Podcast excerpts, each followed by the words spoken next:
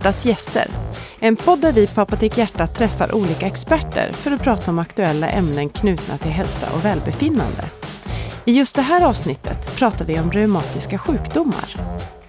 Hjärtats gäster med Annika Svedberg, chefsapotekare på Apotek Hjärtat och Li Alemo Munters, medicinedoktor från Karolinska Institutet och forskningschef på Reumatikerförbundet. De reumatiska sjukdomarna är många och komplexa och kan drabba människor i alla åldrar. Men vad är egentligen orsaken till att reumatiska sjukdomar uppstår och hur påverkar det kroppen? Och hur kan man göra för att lindra besvären? Det här och mycket mer hoppas vi kunna få svar på idag när vi har bjudit hit Li Alemo Munters. Välkommen hit, Li, till Hjärtas gäster. Tack så mycket. Vi kan börja med att du får berätta lite grann om dig själv och hur det kommer sig att du kom in på just forskning kring reumatiska sjukdomar. Ja, jag har arbetat eh, ungefär 20 år inom reumatikervård som sjukgymnast eller fysioterapeut som det heter numera. Och eh, då framförallt på Karolinska Universitetssjukhuset. Och min forskning har framförallt handlat om en reumatisk sjukdom som heter myosit och eh, tidigare så avråddes de patienterna helt från fysisk träning utan att det egentligen fanns någon vetenskaplig evidens för det rådet. Mm. Och det har visat sig att det är direkt förenat med ohälsa att ge ett sådant råd. Eh, mm. och det såg vi hos patienterna. Så därför var det ett väldigt intressant område tyckte jag att få försöka ta fram vetenskaplig evidens där.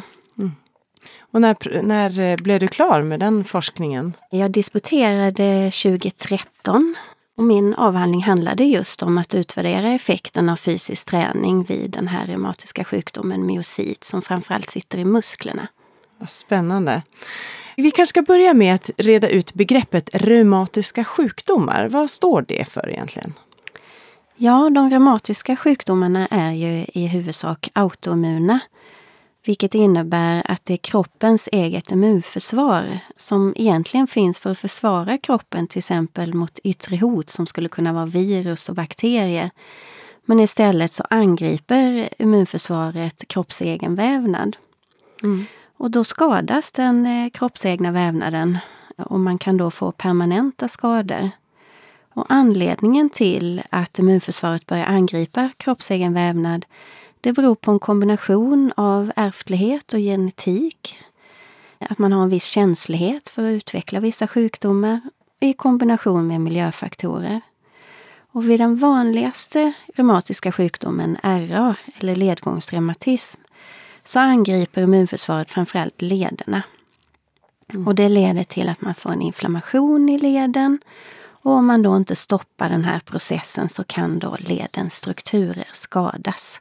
Och då är det framförallt ledbrosket som blir skadat och fortsätter det här så blir även benen, alltså skelettbenen skadade i anslutning till leden. Mm. Och varför det är just lederna som angrips vid RA, varför det liksom är målorganet för immunförsvaret vid RA, eller till exempel vid myosit som jag har forskat om, att det är musklerna som angrips. Det vet man faktiskt inte varför det är så. Men man vet till exempel vid RA att har man en viss ärftlig känslighet och man då röker så är det en mycket ogynnsam miljöfaktor och då ökar risken för att utveckla RA betydligt. Mm. Så som det brukar vara då, en kombination av arv och miljö? Ja, eh, precis. Och som jag har förstått då så finns det väldigt, väldigt många reumatiska sjukdomar. Hur många finns det egentligen? Ja, just nu säger man att det finns cirka 200 reumatiska sjukdomar. Och de tillhör då något som kallas för rörelseorganens sjukdomar. Mm. Och varför är det då så att, att man inte riktigt vet hur många sjukdomar det finns? Och att det här förändras över tid. Det beror på att Genom forskning så börjar man förstå mer och mer om sjukdomsmekanismer som kan göra att vissa sjukdomar har olika subgrupper som i en förlängning kanske kommer att utvecklas till helt nya sjukdomar. Och med subgrupper så menar jag att till exempel eh, jag kan ta myosit eftersom det är min eh, favoritsjukdom kan man säga. Där finns det vissa typer där man har andra symptom än vad andra subgrupper av sjukdomen har. Och man har också en annan typ av behandling som fungerar. För det är lite andra sjukdomsmekanismer, en annan del av immunförsvaret som förmodligen är aktiverat. Och då är det andra läkemedel som hjälper. Och man har en helt annan prognos, liksom hur allvarlig sjukdomen är och hur den utvecklas över tid. Så att ju mer vi lär oss om sjukdomsmekanismerna, det påverkar hur man eh, helt enkelt kategoriserar de här sjukdomarna och hur många de blir. Just det. Sen har man ju de här huvudgrupperna som de flesta kanske har hört talas om. Mm. Eh, ledgångsreumatism är kanske det som de flesta tänker på när man pratar Precis. om reumatiska sjukdomar. Men det ja. finns ju en del andra. Och då tänkte jag att vi skulle börja och höra med dig om artros som är relativt många ändå drabbas av. Ja, artros kan man ju säga är den vanligaste reumatiska sjukdomen och där är cirka en miljon drabbade i Sverige. Man vet egentligen inte varför man får artros, men istället för vissa andra reumatiska sjukdomar som man mer betraktar som autoimmuna, där det är immunförsvaret som är aktiverat och angriper kroppsegen vävnad, så är det vid artros en mer degenerativ sjukdom. Och degenerativ står för? Ja, det står för att av någon orsak så bryter man ner eh, kroppsegen vävnad men det beror troligtvis inte på en aktivering av eh, immunförsvaret. Men som sagt, det här vet man inte riktigt. Och det mm. finns två olika typer kan man säga av artros. Den ena utvecklas ofta efter att man har till exempel fått en idrottsskada. Vanligt är vid fotboll att man får en knäskada. Och då eh, brosk och annat inne i knät går sönder som på något sätt eh, startar en artrosutveckling. Men först kanske efter 40 års åldern så börjar man känna av eh, de här besvären. Mm. Och då är det just i den leden som det drabbar. Mm. Det finns en annan typ av artros och där kanske det är mer immunförsvaret som är aktiverat. För det är mer en systemartros kan man säga. Där det är flera olika leder som drabbas. Och då är det inte på samma sätt relaterat till en tidigare skada. Mm. Vad, vad, kan man säga är gemensamt för alla de här olika reumatiska sjukdomarna? Vi kommer som sagt vara in på ännu flera varianter, ja. men vad, vad binder ihop dem? Alltså det, det som binder ihop är oftast att man har ont. Ja. Vid de inflammatoriska reumatiska sjukdomarna där, där immunförsvaret är aktiverat, där blir man ofta, får man en uttalad trötthet. Fatig brukar det kallas för. Och sen så får man oftast en stelhet. Det gäller både artros och till exempel ledgångsreumatism. Och sen får man en funktionsnedsättning. Det är de vanligaste symptomen. Mm. Och en del av de här reumatiska sjukdomarna innebär också en inflammation då? Precis. Ja. Och inflammationen är ju ofta då till följd av att immunförsvaret eh, är aktiverat. Just det. Eh, och du nämnde ledgångsreumatism och det är kanske det som de flesta kopplar ihop när man säger reumatiska ja. sjukdomar. Ja, det stämmer. Och, och, och det uppkommer det tidigt i åldern eller sent? Eller kan det Alltså det kan uppkomma vid många olika åldrar egentligen men det vanligaste är att det bryter ut eh, i medelåldern och framförallt det är dubbelt så vanligt hos kvinnor. Och att det bryter ut i samband med menopaus är det vanligaste men det kan drabba, alltså man kan få det som barn, alltså då är det barnreumatism. Mm. Men man kan få, få det också upp i, i högre, hög ålder, som att man är 80 år eller äldre så kan man också få det. Mm. Och det drabbar ungefär en av hundra. Så att, mm, relativt vanligt. Det. Ja, det anses vara en folksjukdom. Mm. Och vad är det för typ av symptom då?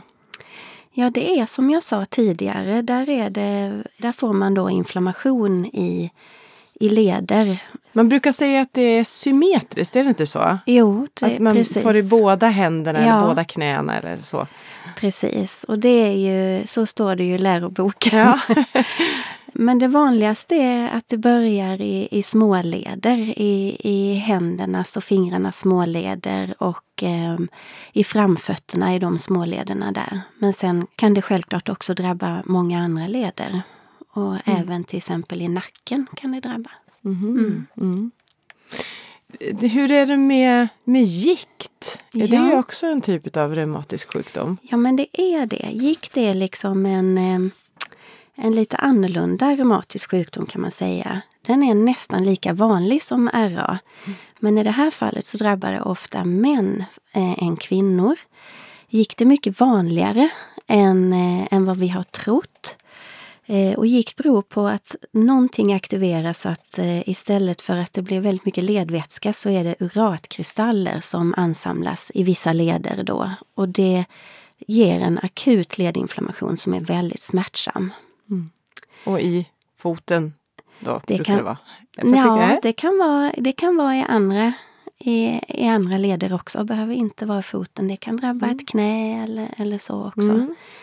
Men det är väldigt smärtsamt och eh, Reumatikerförbundet, vi har sett att det här är en sjukdom som man inte vet så mycket om. Som det är lite oklart, att ska de behandlas i primärvård eller inom, inne på sjukhus på, inom reumatikervård. Och det finns faktiskt läkemedel men de används inte i den grad som skulle vara bra för de här patienterna.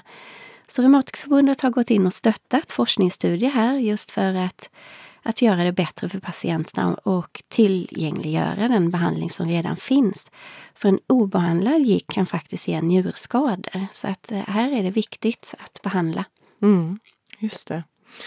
Och du har ju då jobbat som sjukgymnast tidigare och det var också lite grann med det fokuset du forskade då kring en av de här sjukdomarna. Mm. Och just det här med hur man kan förebygga reumatiska sjukdomar eller mm. lindra med hjälp av sjukgymnastik eller, eller olika typer av träningsprogram. Ja. Då. Vad är det som, som gäller idag? Ja, alltså det kommer mer och mer intressant forskning när det gäller fysisk träning. Att fysisk träning kanske skulle kunna vara skyddande. Det finns registerstudier som visar på att de som är mycket fysiskt aktiva före de får sin diagnos i RA då, de får ett, en mildare sjukdom helt enkelt. Så att det verkar ju som fysisk träning kan vara skyddande.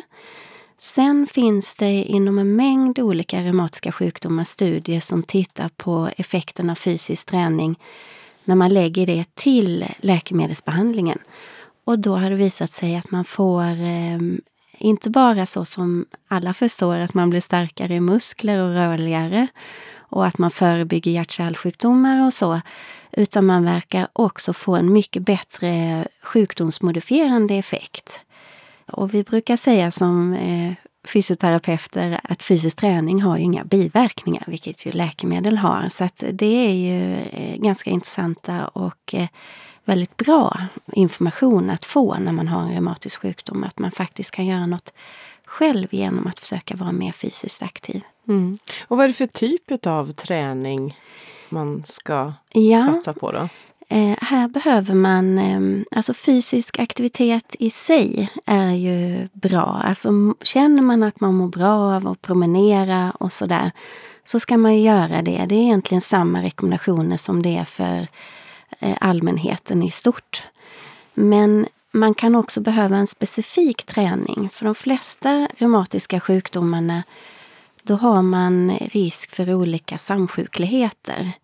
Samsjuklighet? Ja, och det kan till exempel vara som jag nämnde innan hjärt-kärlsjukdom. Eller njurproblem som jag sa vid gikt. Det kan man få vid andra reumatiska sjukdomar. Eller vid SLE och, och vissa andra sjukdomar kan man få problem med lungorna och sådär. Så att man kan få olika organpåverkan som eh, gör att träningen måste modifieras och anpassas individuellt. Och då har man sett att viss typ av träning är bra för vissa beroende på vilken sjukdomsaktivitet man har och eh, vilken sjukdomsfas man är i och ja, vilka vilka besvär man har. Och då behöver man hjälp av en fysioterapeut att modifiera träningen. Initialt i alla fall. Sen när man har kommit igång med träningen, man har fått sitt individuella träningspass, då brukar man kunna träna som egenvård för sig själv. Mm. Och sen kan man ju ha kontakt kontinuerligt när man vid behov då. För att följa upp den träning som man har fått ordinerad. Just det.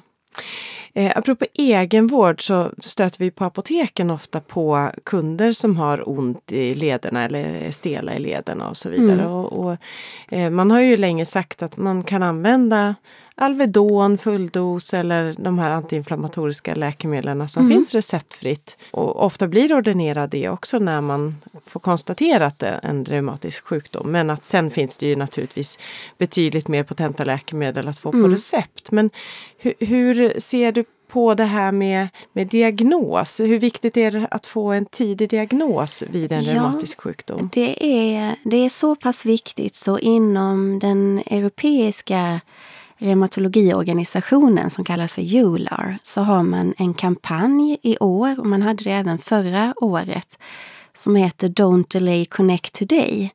Eller på svenska har Reumatikerförbundet översatt den till Du tar kontakt nu.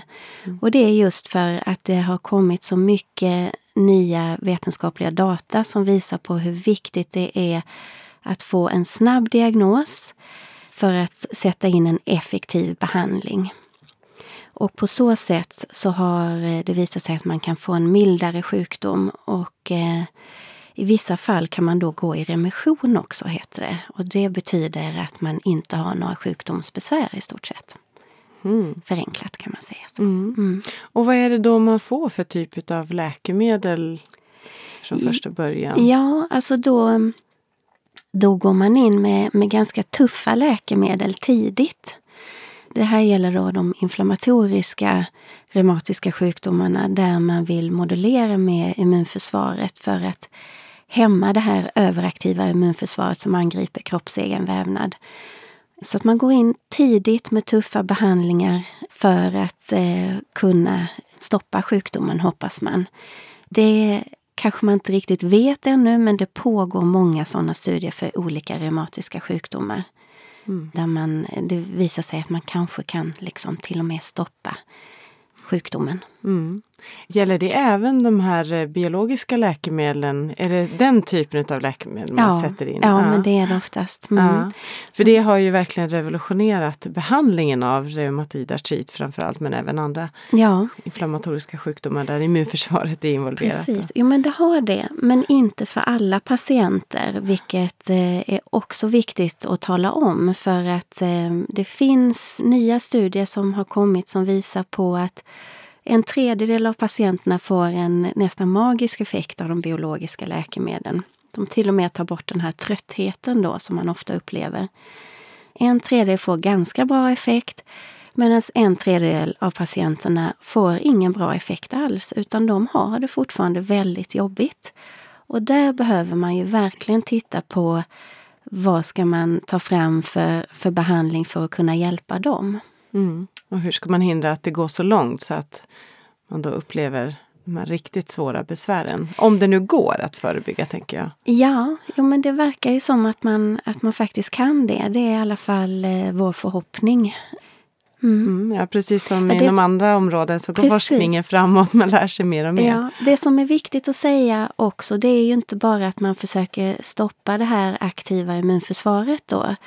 Utan eh, jätteviktigt är att man, eh, och på så, eh, det är ju att man förebygger de här organskadorna eller ledskadorna och så som man får om inflammationen får liksom stå och härja fritt. Så att eh, man behöver eh, få skydd mot det tidigt genom olika läkemedel och kanske fysisk träning också. Mm. Du nämnde tidigare det här med när vi var inne på reumatoid artrit eller ledgångsreumatism att eh, det kan drabba människor i alla åldrar och ibland är det ju då barnreumatism och ibland är det det som är det vanliga då att man får Precis. det i vuxen ålder. Men är det någon skillnad på när det drabbar barn och vuxna? Ja, alltså barnreumatism det är liksom ett samlingsnamn kan man säga för sju olika typer av reumatism som påminner om de vuxna reumatiska sjukdomarna. Mm.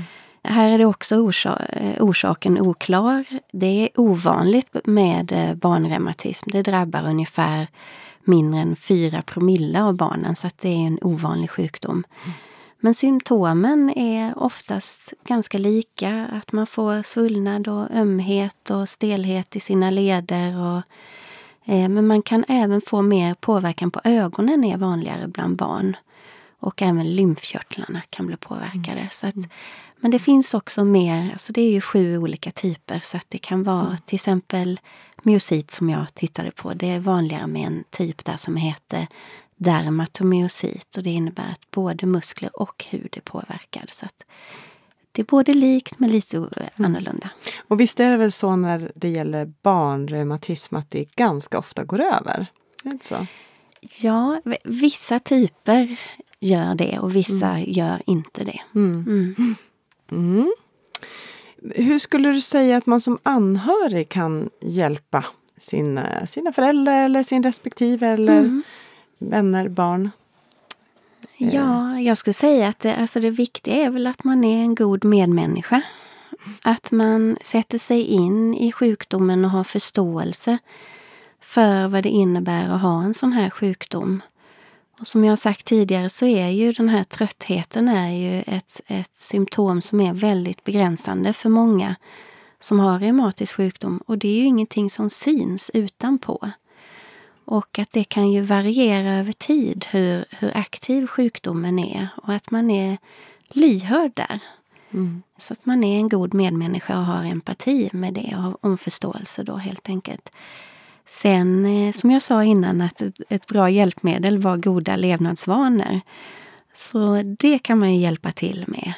Eh, för att det kan ju vara svårt med motivationen för alla att vara fysiskt aktiva. Men har man dessutom ont och är väldigt trött så kan ju motivationen tryta. Men har man då en, en, eh, en snäll medmänniska nära sig som säger kom så går vi på en promenad eller vi bassängtränar lite eller, eller lagar mat som är bra för en på olika sätt så kan man ju faktiskt hjälpa till. Mm, definitivt. Mm. Ja, Li, avslutningsvis då, vad skulle du vilja ge för tips till någon som precis har fått en diagnos på en reumatisk sjukdom? Ja, ofta så känner man sig väldigt otrygg då och då kan det vara bra att eh, att man får en fast kontakt inom vården så att man vet var man ska vända sig just för att få korrekt information om sjukdomen.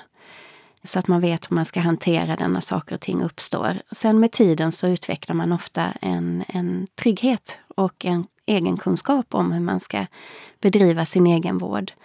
Men för många så hjälper det också att träffa andra som har samma erfarenhet, till exempel att man har samma sjukdom. Och där har ju Reumatikerförbundet då flera olika skolor som man kan ta del av, där man träffar andra i samma situation. Man får information och konkreta råd och tips. Mm. Till exempel har vi en artrosskola som bedrivs på ja, hundratals vårdcentraler över Sverige. Vi har för de som har långvarig smärta, fibromyalgi, så har vi en smärtskola som heter Smärtskola kunskap för livet där man också kan få hjälp för att smärta kan ju vara väldigt svårt att hantera. Mm. Så att, eh, att träffa andra i samma situation brukar kunna vara ett väldigt fint stöd. För att det är ingen annan som vet riktigt hur det känns mer än någon som har, går igenom precis samma sak eller har gått igenom samma sak. Mm. Mm. Ja, det var några kloka ord på vägen. Tack så jättemycket Li för att du kom hit och delade med dig av dina kunskaper inom området. Tack så mycket för att eh, jag fick komma hit.